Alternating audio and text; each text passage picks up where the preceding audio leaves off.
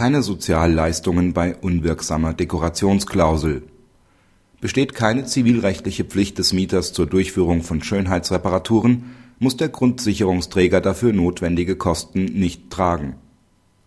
Die Klägerin, in deren Mietvertrag die Übernahme der Schönheitsreparaturen nach einem starren Fristenplan vereinbart ist, begehrt vom Träger der Grundsicherung die Übernahme der für die Durchführung einer Renovierung erforderlichen Kosten.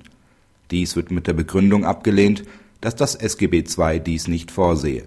Widerspruch und erstinstanzliches Klageverfahren sind erfolglos. Das LSG weist die Berufung der Klägerin zurück.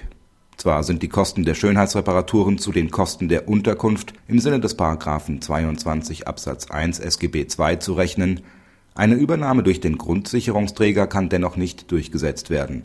Dies ist nur möglich, wenn der Vermieter die Durchführung berechtigt verlangen kann, was infolge Unwirksamkeit der vorliegenden Vereinbarung wegen der starren Fristen nicht der Fall ist.